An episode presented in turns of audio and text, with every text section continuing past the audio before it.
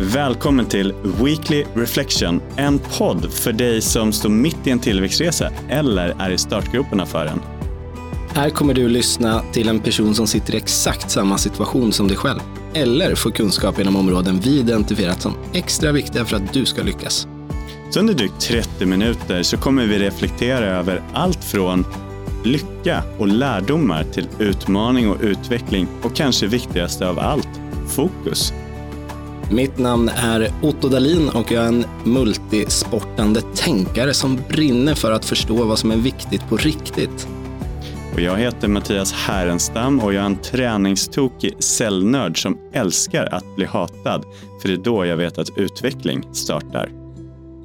Dagens avsnitt är ett kunskapsavsnitt där vi kommer prata om en väldigt, väldigt viktig del i en tillväxtresa, nämligen hur vi kan få ett mer jämställt bolag. För mängder av undersökningar har visat att jämställda bolag också genererar högre lönsamhet.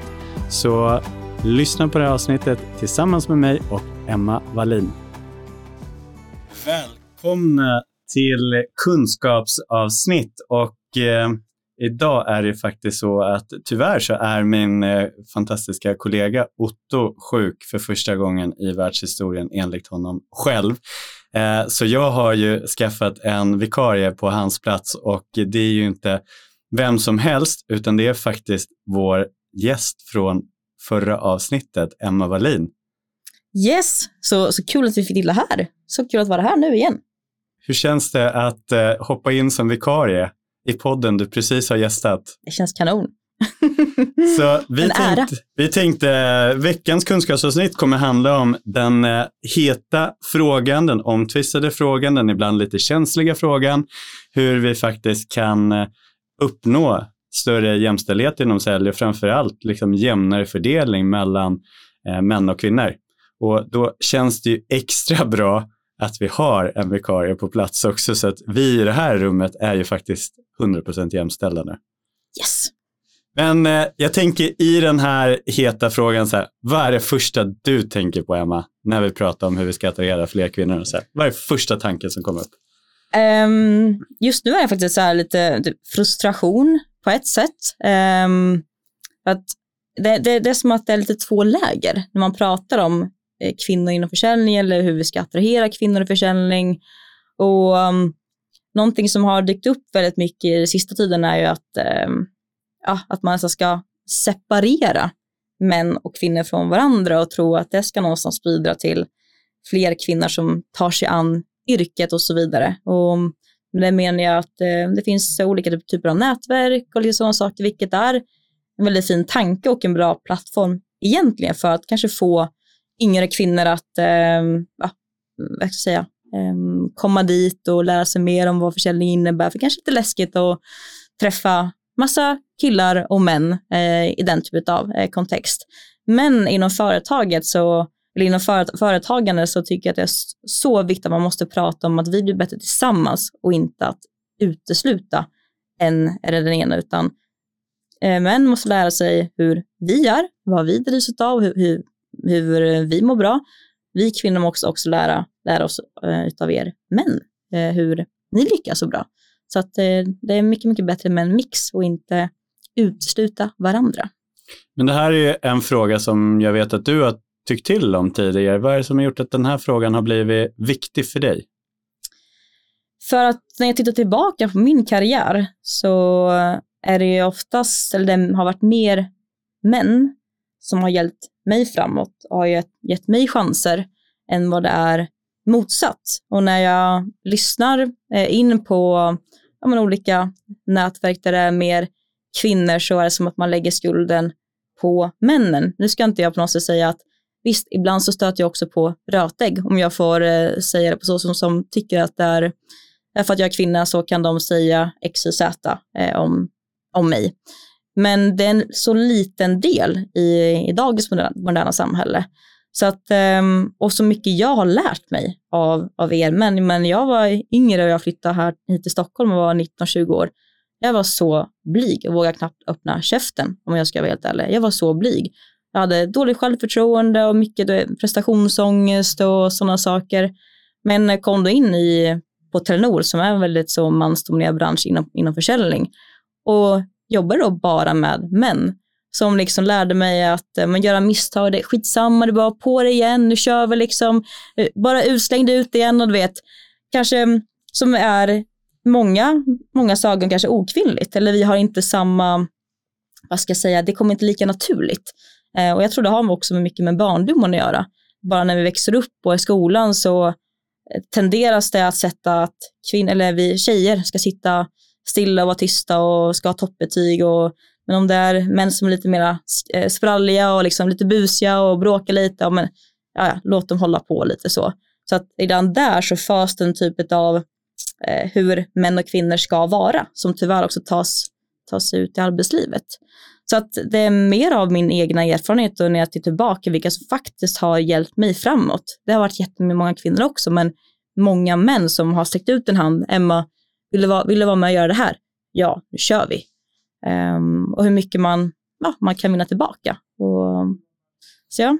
Kan du se någon gemensam nämnare vad som har skilt de männen åt, nu låter det som att vi pratar om en hemsk grupp, de männen åt som har sträckt ut handen till dig jämfört med de som la liksom armen om sin kompis som man har jobbat med tidigare? Mm. Nej, alltså. Jag har blivit lika fint bemött, eh, känner jag i alla fall. Om det, även om det varit deras polare eller om det har varit, varit mig. För att de ser liksom inte mig som kvinna. De har sett mig som en jäkligt bra kompetent person. Så att det spelar ingen roll vad jag har för typ av kön. Så, så nej, och sen såklart så är det ju utmaningar för att man tänker olika och, och allt det där. Men det har gjort mig till en mycket, mycket bättre människa bara när jag tittar tillbaka till hur jag var som, som ung 20-åring. Eh, och jag hade nog inte haft de kvaliteterna som, som jag har idag med att eh, våga göra misstag, våga, våga fejla gång på gång, upp på hästen igen, nu kör vi, vi testar igen och var väldigt så framåt och bold och inte um, om någonting går fel så får man panik och ställer sig i hörnet och börjar gråta utan nu, ja, ja, nu gick det sådär, det var inte bra, vad lärde, lärde oss av det? Okej, perfekt, då går vi vidare. Um, så, mm. Vad gjorde att eh, din arbetsplats, i det här fallet Telenor, lyckades eh, få dig som medarbetare trots att det då var väldigt eh, mansdominerat, en mansdominerad bransch? Just det, det var också en väldig slump. Jag flyttade hit utan varken boende eller jobb faktiskt. Så jag kontaktade en rekryteringsfirma eh, och eh, då sa de att Telenor söker liksom eh, personer. Så då kom dit på intervju. Men så fick jag bara en väldigt bra känsla av den ledaren som eh, anställde mig, att eh, det här känns, det känns bra i magen. Och, och det är jag väldigt tacksam för, att jag tackade ja. För att han har betytt en, väldigt mycket för, eh, för mig även idag. Mm. Och eh, vi pratade lite kort innan vi skulle spela in det här avsnittet om det här med, med kvinnliga nätverk och så vidare. Vad är din take på det? Ja, um, det är jättefint att de finns. För att det är kanon tror jag för yngre kvinnor som kommer ut från universitet eller um, skolan och är lite osäkra um, och kanske inte har, men som jag själv, inte hade så bra självförtroende och var jätterädd för att göra fel och liksom så. Eh, och då kan det vara lättare att få kvinnor att dyka upp för att okej, okay, det är kvinnor, det går bra, liksom, mm, då kanske jag kan visa mig och fejla och vara sårbara och så vidare. Men det är ju inte så realiteten ser ut där ute. Du kommer inte bara jobba med kvinnor och det, du kommer möta massa män och därför måste man ju lära sig att jobba med varandra. Och även om man ska, om man tänker tillbaka, så, eller så här, om man hade tänkt i motsatt riktning om att man skulle börja se massa manliga nätverk runt, runt omkring. Jag tror att feedbacken hade nog varit helt annorlunda att eh, så kan ni inte göra. Varför skapar ni, ni det diskriminering och, och allt sånt där? Så att det är så här, äh, det är mycket, mycket bättre att inkludera än att försöka tro att man ska skapa förändring med eh, att uppnå jämställdhet genom att exkludera män. För det är ändå ni som sitter fortsatt på makten i många företag.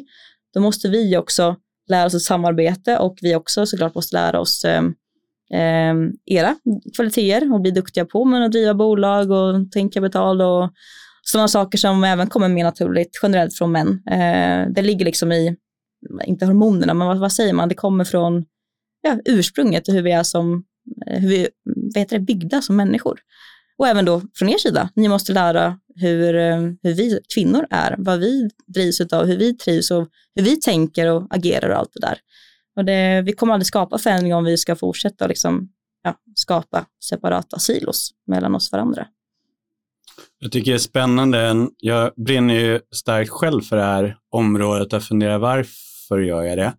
Och jag har kommit fram till mycket att det handlar ju om att jag själv har upplevt att jag inte har passat in i den, vad ska man säga, lite machonormen som kanske också har varit inom sälj specifikt. Det har varit mycket bröd, mycket liksom, eh, klappa axlarna, mycket eh, eh firande i form av eh, fina drycker och de sakerna som kanske inte alltid är den, alltid den härligaste kulturen.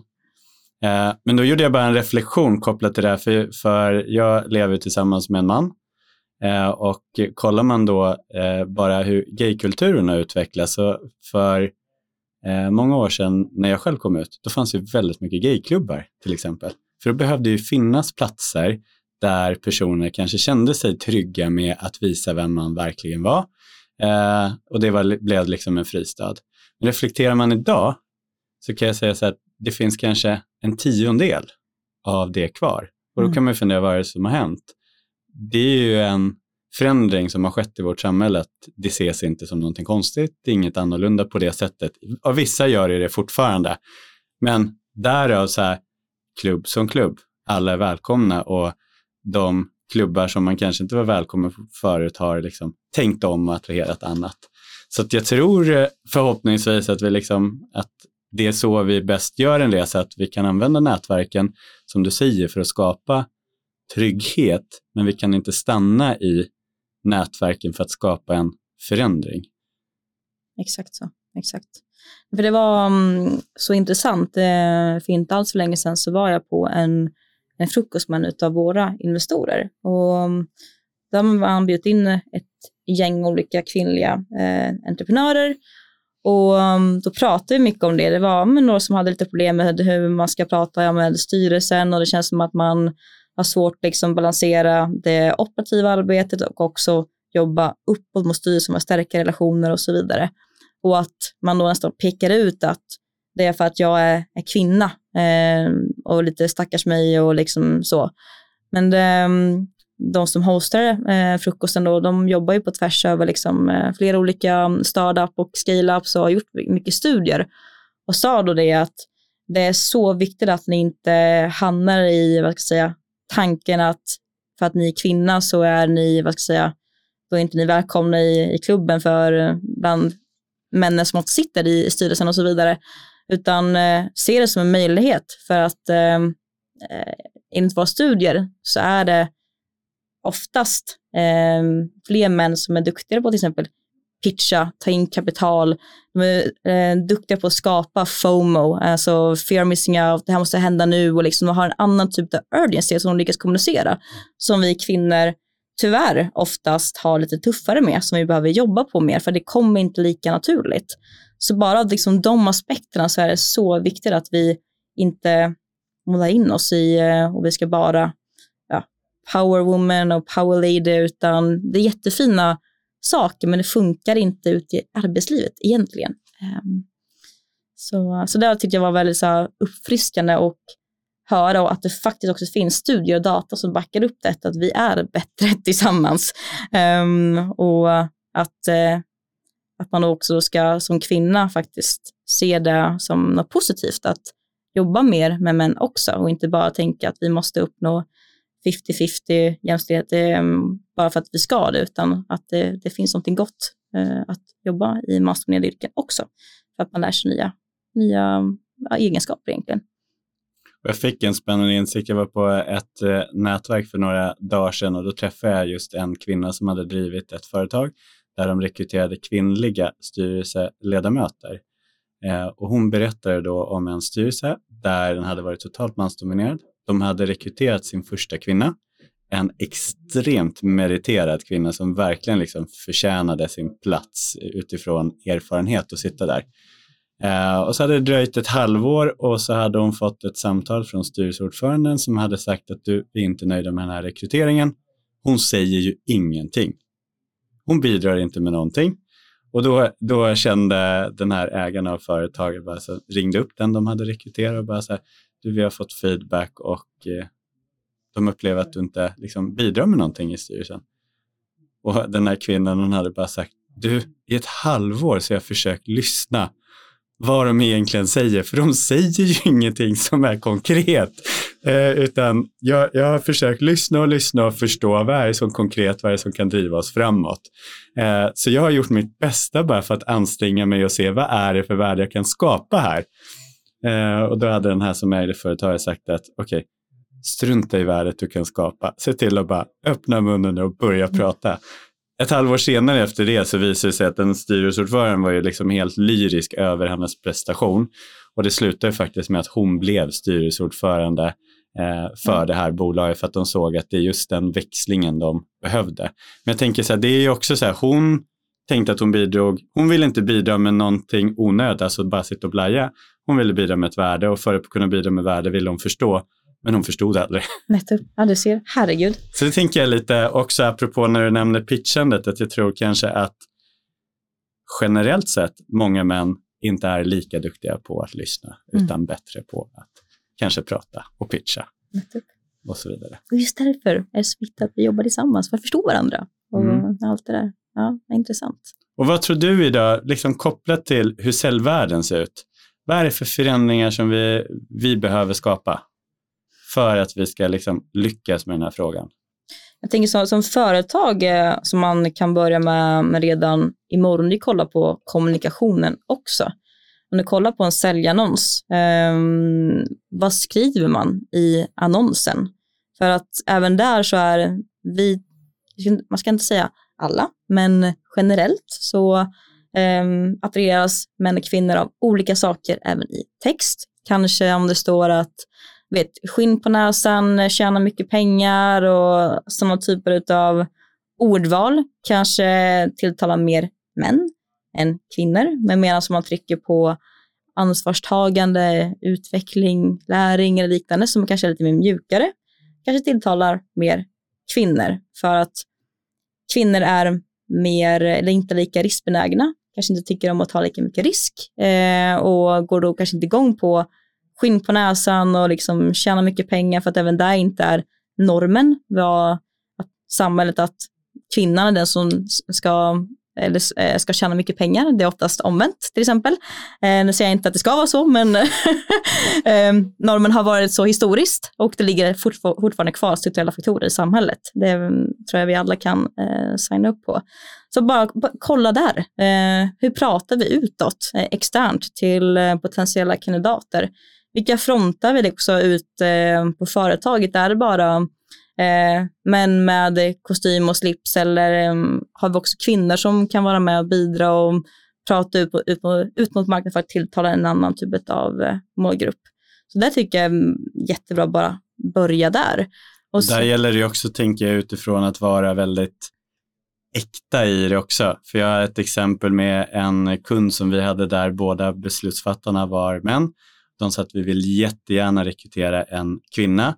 Och sen är det så att vi jobbar ju eh, utifrån den diskrimineringslagstiftning som, som finns och det handlar ju om rätt kompetens i slutändan. Men vi sa att det finns absolut saker vi kan göra som kan öppna upp för fler kvinnor. Så till exempel så eh, kan man ju lite könskoda, som du är inne på, liksom själva annonsen, vilket vi gjorde. Vi hade dessutom en av våra kvinnliga liksom, kollegor som drev det här uppdraget. Men det var så spännande kundens reaktion för första tre ansökningar vi fick in trots att vi då hade könskodat annonsen var ju från män. Mm. Och då blev han så här, det här funkar inte.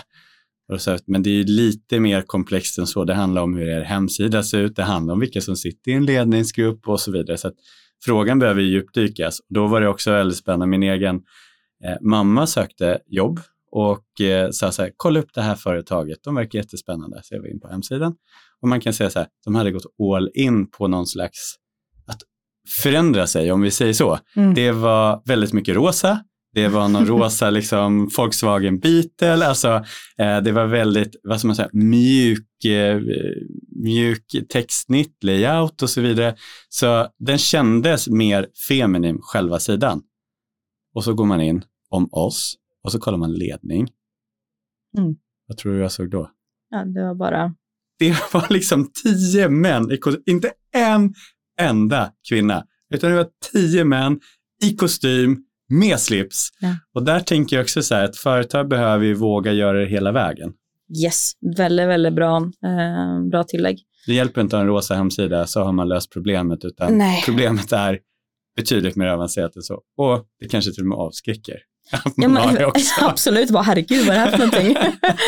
Eh, och Vad har du för fler tips? Eh, faktum är um, ett annat eh, som jag bara också hörde för några veckor sedan, en studie man har gjort, bara förlänga tiden på ansökningsperioden. Mm. För eh, även där så är vi kvinnor med att det måste vara perfekt. Vi eh, oftast tänker några steg längre, tar längre tid på att skriva en ansökan, att eh, det ska vara perfekt innan vi faktiskt skickar in det. Så bara testa och förlänga ansökningsperioden. Det var också någonting vi, vi pratade om på den träffen.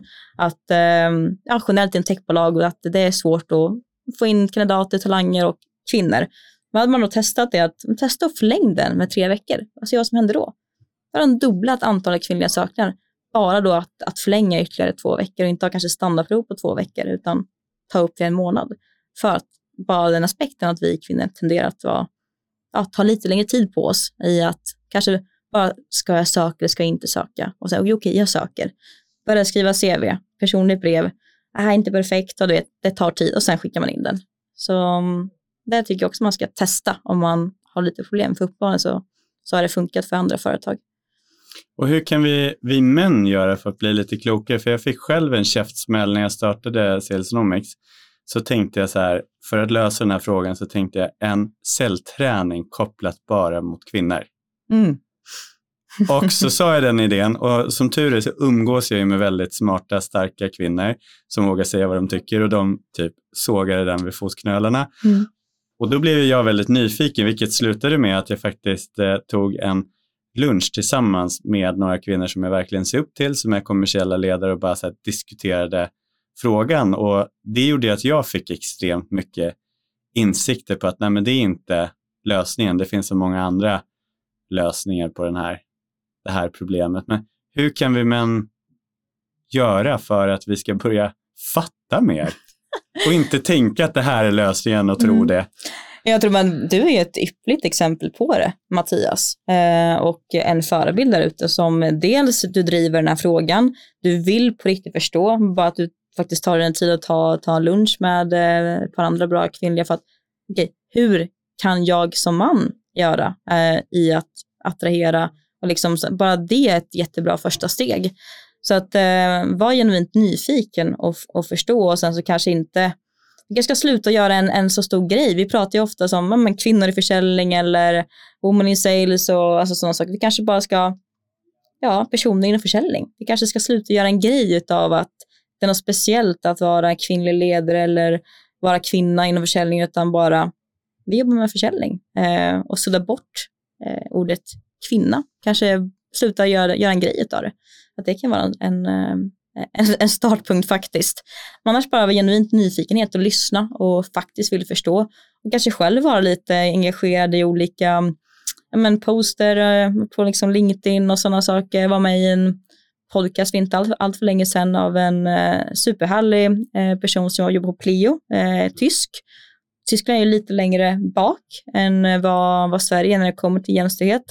Han var också väldigt eh, driver frågan fast i Tyskland och, och vill verkligen förstå sina kvinnliga liksom, kollegor eh, och fråga nätverket hur kan jag göra som, eh, och det är en jättebra start eh, och bara visa det intresset för jag tror att det också gör att vi kvinnor känner en, en kanske större connection eh, eller mer en, en, en tillit på ett sätt att de vill ju faktiskt lösa det här. De eh, är inte bara män som vill ha mer makt utan de vill ju faktiskt ha med oss på laget. Så att, ja, jag tror att det kan bara vara en jättebra start.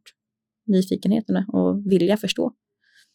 Och sen tror jag någonstans att börja så här, lyssna vad som sägs och vad som visas på riktigt. För där tror jag, apropå liksom min egna upplevelse genom att inte ha tillhört normen eller känt att jag inte har alltid hört hemma, så har jag kanske blivit mer mottaglig. Jag lyssnade på en podd för några månader sedan där vdn för ett bolag säger så här, ja men julfesten den är ju till för att vi ska fira våra fruar som har stått ut med vårt hårda arbete. Och en sån sak reagerar jag indirekt på för att det betyder att jag skulle inte, jag känner mig inte inkluderad i tonaliteten i ett sånt bolag. Eh, och det gör kanske att jag direkt automatiskt tänker på en sån sak. Medan jag tror att en man som lever tillsammans med en fru, liksom vanligt, inte kanske skulle uppfatta det. Så jag tror där så här, att våga börja lyssna, så här, vad sägs på riktigt? Eller jag hade en dialog på, på LinkedIn med, som, som sa så här, vart är alla kvinnor inom försäljning? Och eh, jag har inte en enda kund som är kvinna. Och då satt jag själv och insåg så här, men 50 procent av dem som jag jobbar med som är beslutsfattare är ju kvinnor.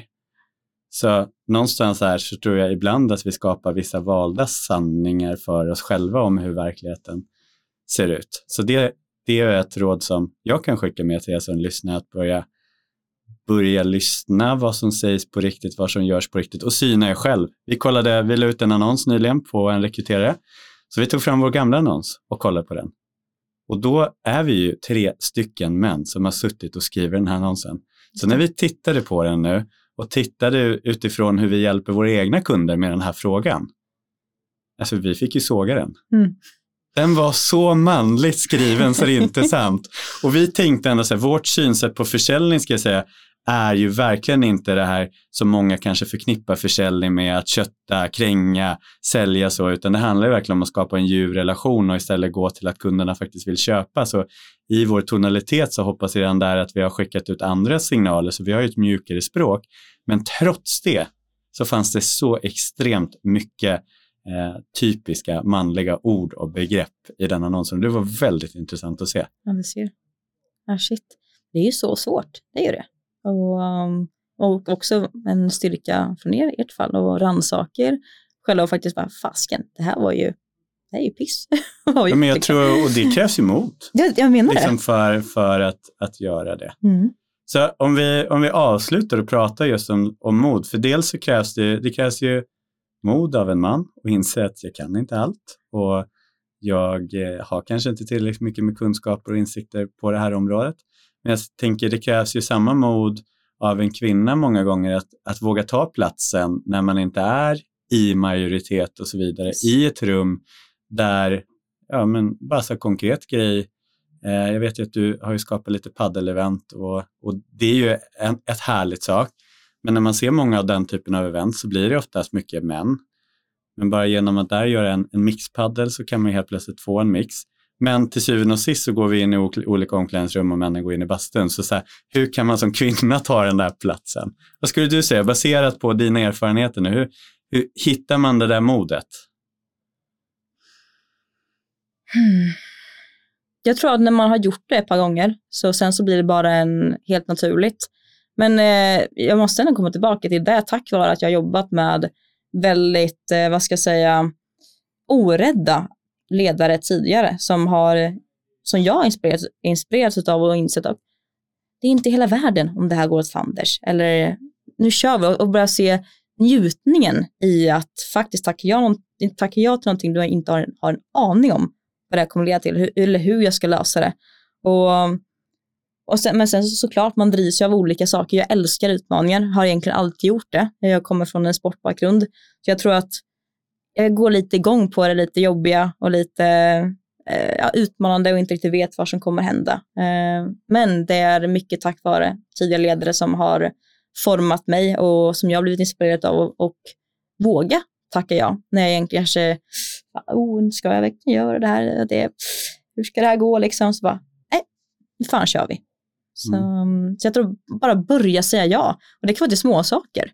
Men det har märkt jag väldigt mycket, mm, bara när jag drev själv ehm, eh, podcast och har skapat en mängd olika events och försökt bjuda in då beslutsfattare eh, och försökt ha liksom en 50-50 paneldebatt och sådana saker.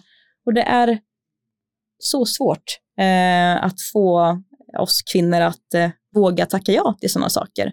Att vi lever med i den här världen att inte kan väl jag, nej, vem är jag som ska stå där och prata om X och Z, jag kan väl inte det. Medans eh, tyvärr så är det, inte tyvärr, men män är lite mer, det där kör vi på, det, där blir kanon liksom.